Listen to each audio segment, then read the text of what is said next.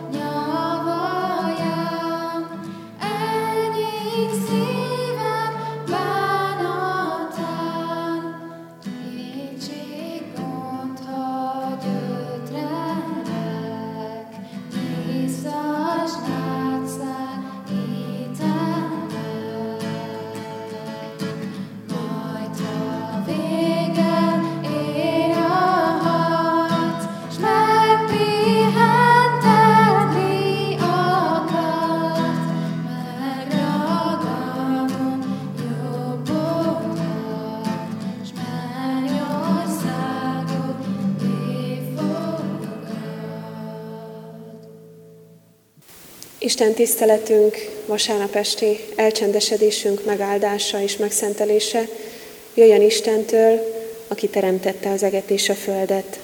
Csendesedjünk el és imádkozzunk. Mindenható Istenünk, drága édesatyánk az Úr Jézus Krisztusban, hálát adunk neked azért, hogy jöhetünk eléd, hogy az énekekben, az imádságban és az egész életünkkel hirdethetjük a Te nagy dicsőségedet. Urunk, arról énekeltünk, hogy mit mondhatnénk, mit mondhatnánk, mit, mi, mi az, amit tehetnénk magunkért, az életünkért. Amikor ezeket a kérdéseket boncolgatjuk, akkor olyan jó hozzád megérkezni, nálad megnyugodni, és abban a reménységben élni, hogy Te vagy az, aki a legtöbbet teszed, és tetted már az életünkért. Hálát adunk, Urunk, azért, hogy örök élettel ajándékozol meg bennünket, és hálát adunk azért is, hogy azt a hitet, amelyet a szívünkbe rejtesz és előhívsz, azt Te táplálod. Arra kérünk, Urunk, hogy tápláld most a bennünk lévő hitet, a Te igéddel, a Te üzeneteddel. Addorunk, hogy mindaz, amiről itt hallunk, amiről énekelünk, amit imádságban elmondunk neked, az mind-mind gyümölcsöt teremjen az életünkben. Így kérünk Istenünk, hogy áld meg Isten tiszteletünket. Ámen. A zsidókhoz ért levél 11. fejezetéből a 30 és a 31. verseket szeretném most felolvasni, és ez alapján Isten igét hirdetni, az üzenetét. Hitáltal omlottak le Jerikó kőfalai, miután körüljárták azokat hét napon át. Hitáltal nem veszett el Ráháb, a parázna nő az engedetlenekkel együtt, amikor a kémeket békességgel befogadta. Ámen. Kedves testvérek, ige hirdetés sorozatunk végéhez közeledve, és a tanévünk végéhez közeledve, ugye, ahogy már az előbb is említettem, ez az, olyan, ez az utolsó kertisten tisztelet ebben az évadban, amit itt a templomban tartunk. Jövő héten az utolsó alkalmat már nem itt fogjuk tartani, hanem szabadtéren, az Ókollégium oldal, udvarán. Tehát ige hirdetés sorozatunk végéhez közeledve a mai ige alapján a következő témát vagy címet lehet meghatározni, ez alapján a két igevers alapján hit és harc. A hithősökről szóló sorozat nem csak személyeket mutatott be, vagy akár most is bemutat, hanem rajtuk keresztül az Istenbe vetett hit jellemzőit vehettük sorra, azokat a dolgokat, amelyek elengedhetetlenek a hitünk megéléséhez. És Isten igéje most egy pont ugyanilyen jellemzővel fogad bennünket, egy olyan elengedhetetlen elemével foglalkozunk a hitnek, amely bizony komoly részét teszi ki a mindennapi életünknek, hogyha Istenben bízunk és, és az ő reménységében élünk. A hit elengedhetetlen része a harc. Ezt látjuk ebben a két igeversben kibontakozni, és abban az ószövetségi történetben, történet sorozatban, amiről összefoglalólag ez a két vers szól.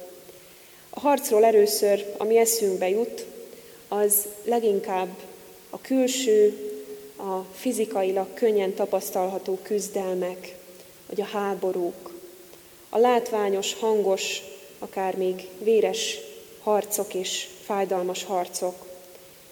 Bizonyára a családjainkban is vannak még olyan emberek, akik átélték akár a világháború rettenetét, Többen vannak, akik esetleg az 56-os forradalmat is megtapasztalták.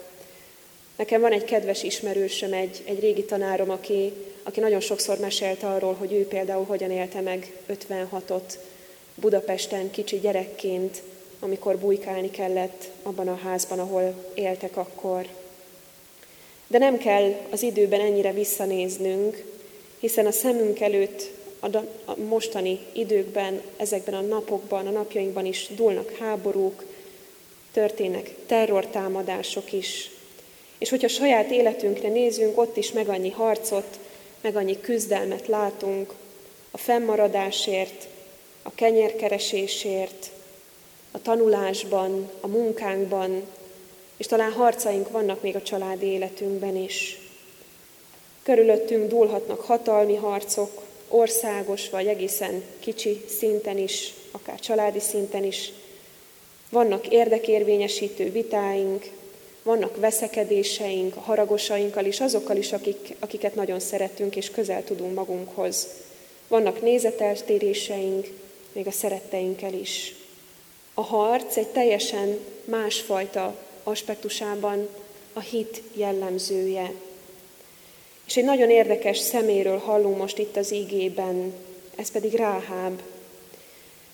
A zsidókhoz írt levél alapján, de nem csak ez alapján, hanem az alapján is, hogy ez a nő, ez a személy, ez az ószövetségi alak Jézus nemzetség táblázatába is bekerült, így a hit példaképe lett.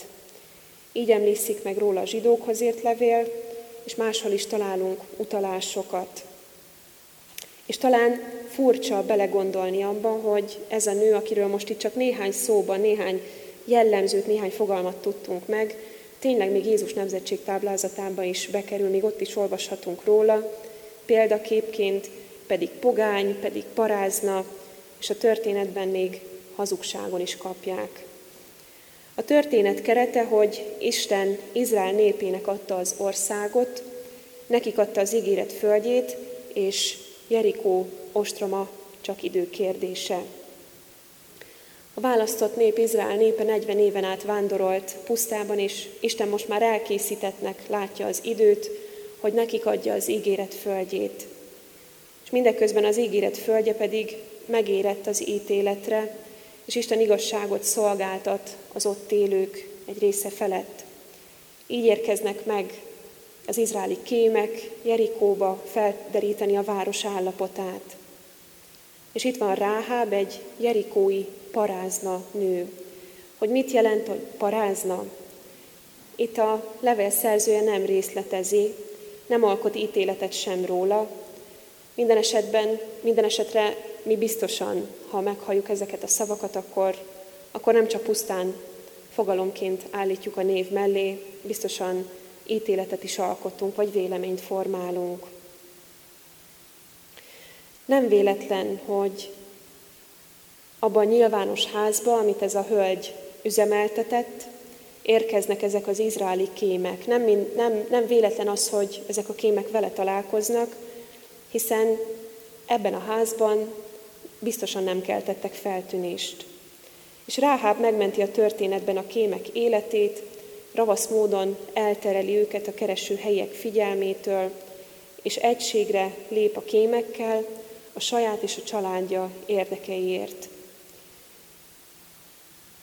Mivel az új szövetség a hit példaképének tartja Ráhábot, Jézus felmenői között is szerepel, ezért érdemes foglalkoznunk azzal, hogy neki milyen volt a hite. Az ő harcos hitével is érdemes foglalkozni. És a hitével kapcsolatban először nem is talán a harcot lehet kiemelni, hanem a bizalmat. Bízni mindig kockázatos és nehéz dolog. Bízni kellett Istenbe, akit igazán még nem is ismert talán. És bíznia kellett ezekben a kémekben is. Ez volt az egyetlen esélye, a bizalom Istenben és az Isten embereiben. Semmi más nem volt Ráháb számára, semmilyen más járható út. A piros kötél, ami az ablakán lógott, erősíthette talán őt, hiszen ez egy jel volt.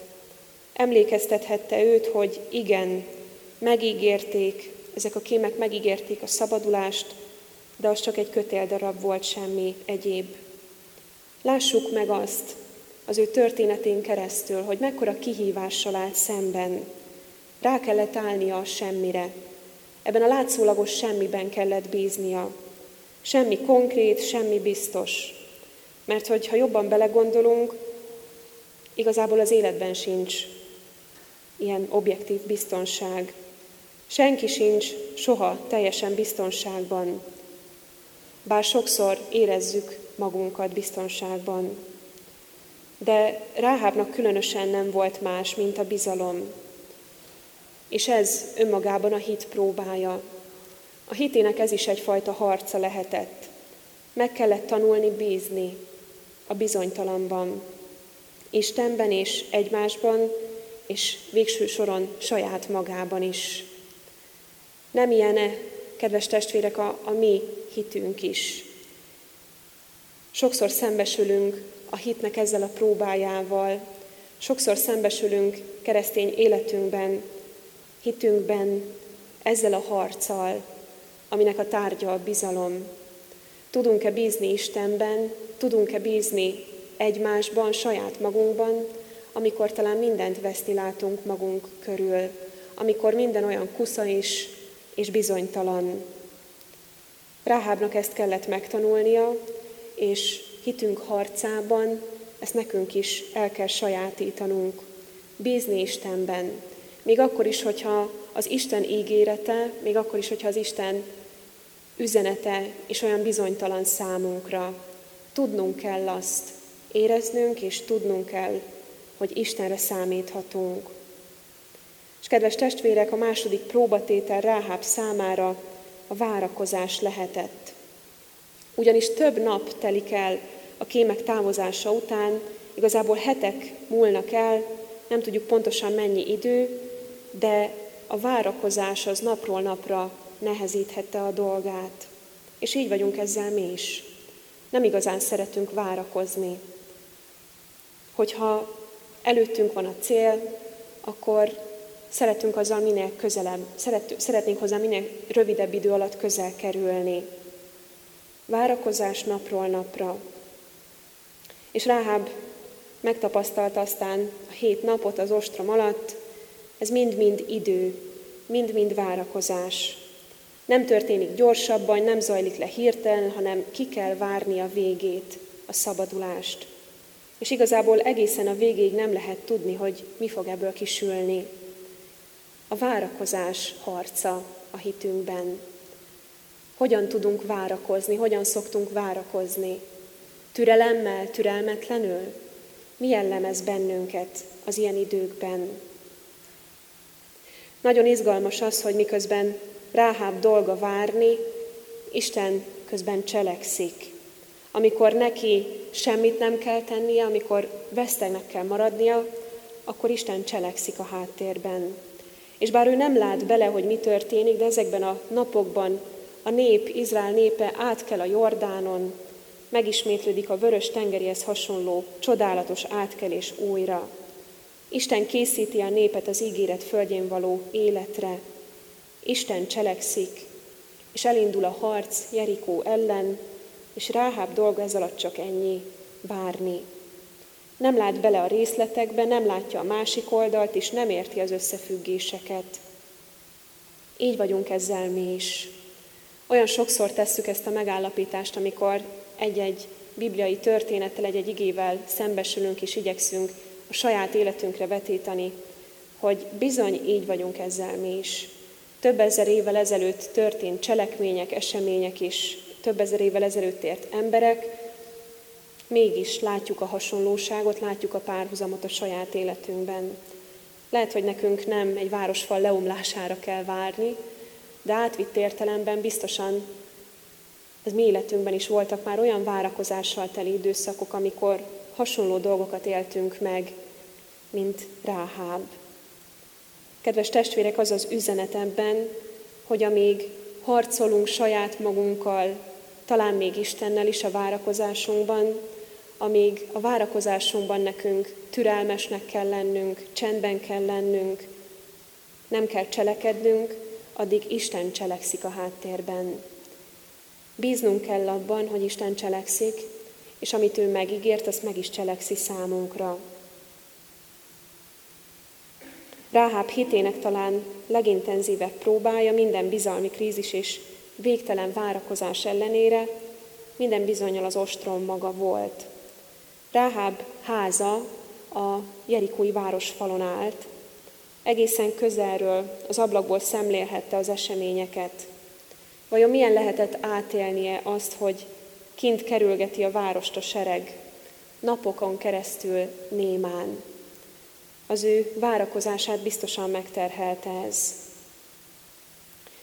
Kedves testvérek, Isten bíztat bennünket nagyon sok helyen a Bibliában, hogy a hitünk harcát, amely bizalmi kérdés is, amelyben sokszor várakoznunk kell, és meg annyi dolgot tudnánk még felsorolni azzal kapcsolatban, hogy milyen fajta harcokat élünk meg a hitünkben.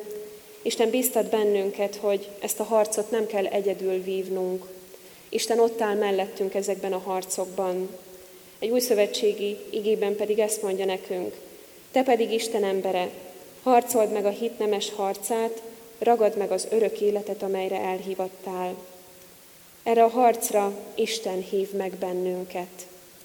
És tudnunk kell azt, hogyha Isten hív meg bennünket, akkor nem csak átnyújt egy meghívót, hanem el is kísér bennünket a harcos időkben. Azokban a nehézségekben, azokban a próbákban, azokban a tényleg nehézségeket teli időkben, amiben gyakran egyedül érezzük magunkat.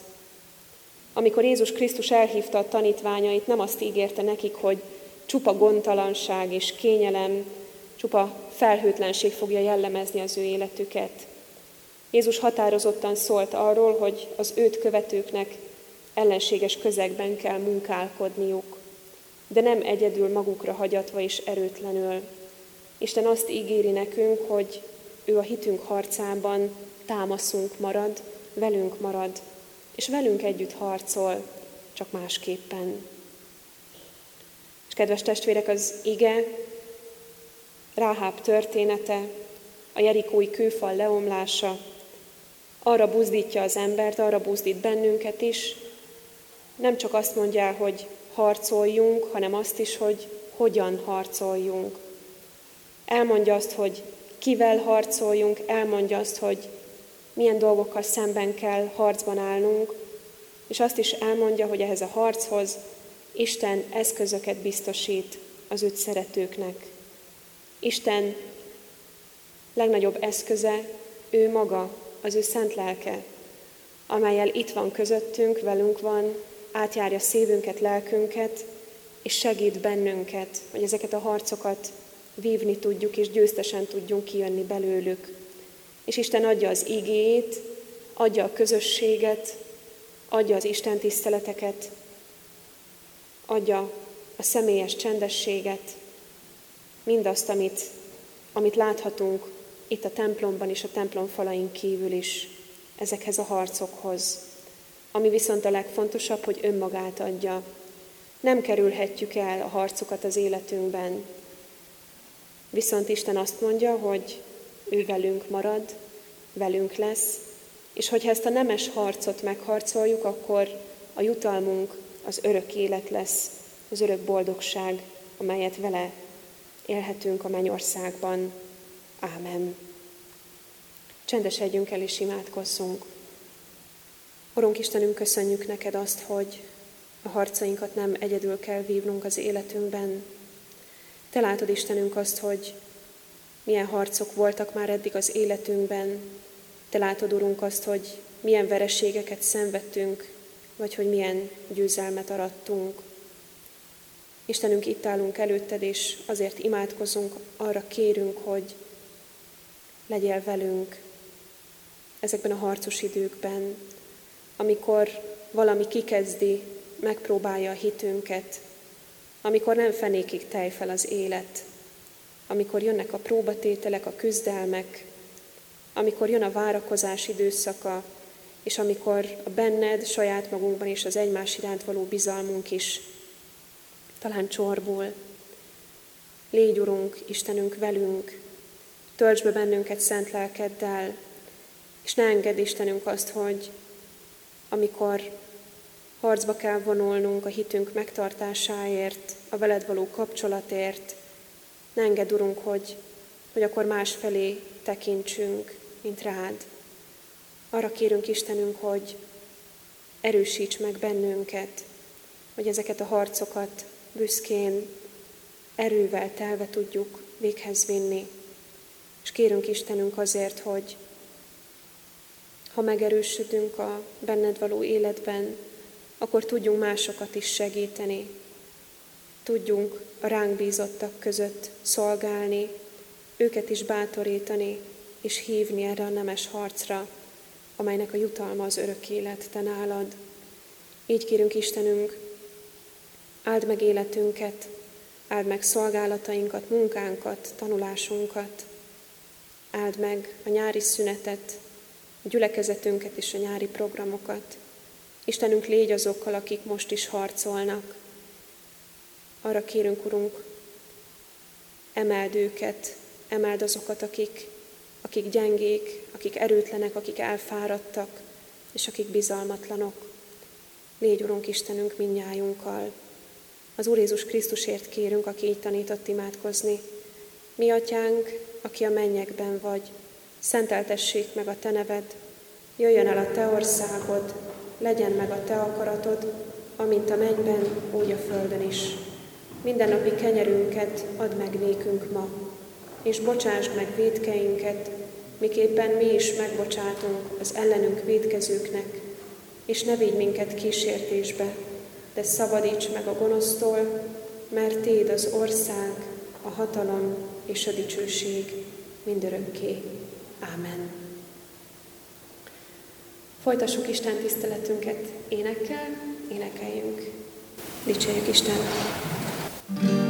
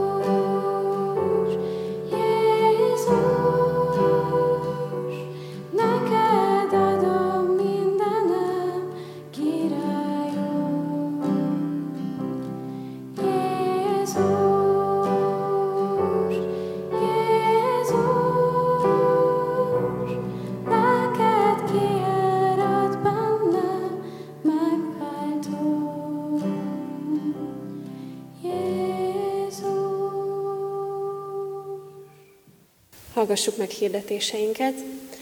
Először a jövő heti kert tisztelettel kapcsolatban szeretném hirdetni, nyomatékosítani azt, amit már hallottunk néhány perccel ezelőtt, hogy jövő héten lesz az évadzáró alkalmunk a kert sorozatunkban, kert Isten tiszteletem, és ennek a helyszíne nem itt lesz a templomban, hanem az Ókollégium udvara lesz, amit a Rádai Múzeum bejárata felől lehet megközelíteni. Tehát jövő vasárnap este a kert Isten tisztelet időpontjában oda várunk mindenkit, minden gyülekezeti tagunkat és a kert közösségünk tagjait is oda várjuk, hogy ott szabadtéren tudjunk egy Isten tiszteletet együtt tartani és együtt ünnepelni. A nyári táborokról szeretnék még néhány hirdetést elmondani. Ezek szerintem, ezeknek szerintem mindegyike már ismerős számunkra, már hetek óta hirdetjük az ifi táborunkat, amelynek a témája a Krisztus test lesz, ez augusztus utolsó hetében lesz, erre is várjuk a jelentkezést.